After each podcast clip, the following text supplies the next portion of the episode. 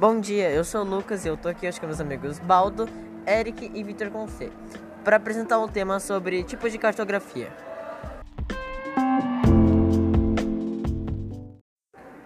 Nós primeiramente temos a projeção plana ou azimutual.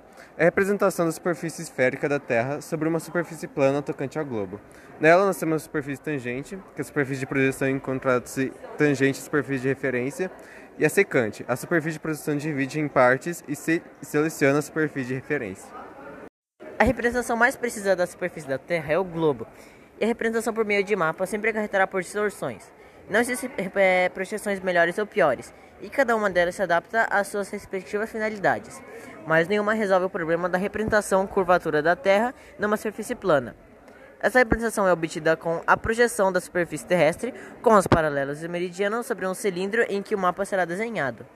E essa representação essa é a cilíndrica.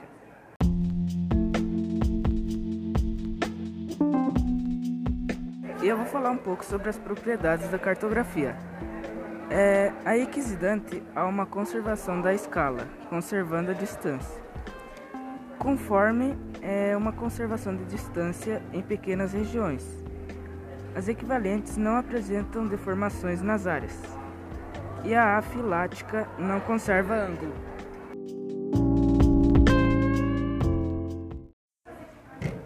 Agora vou falar um pouco sobre a projeção crônica.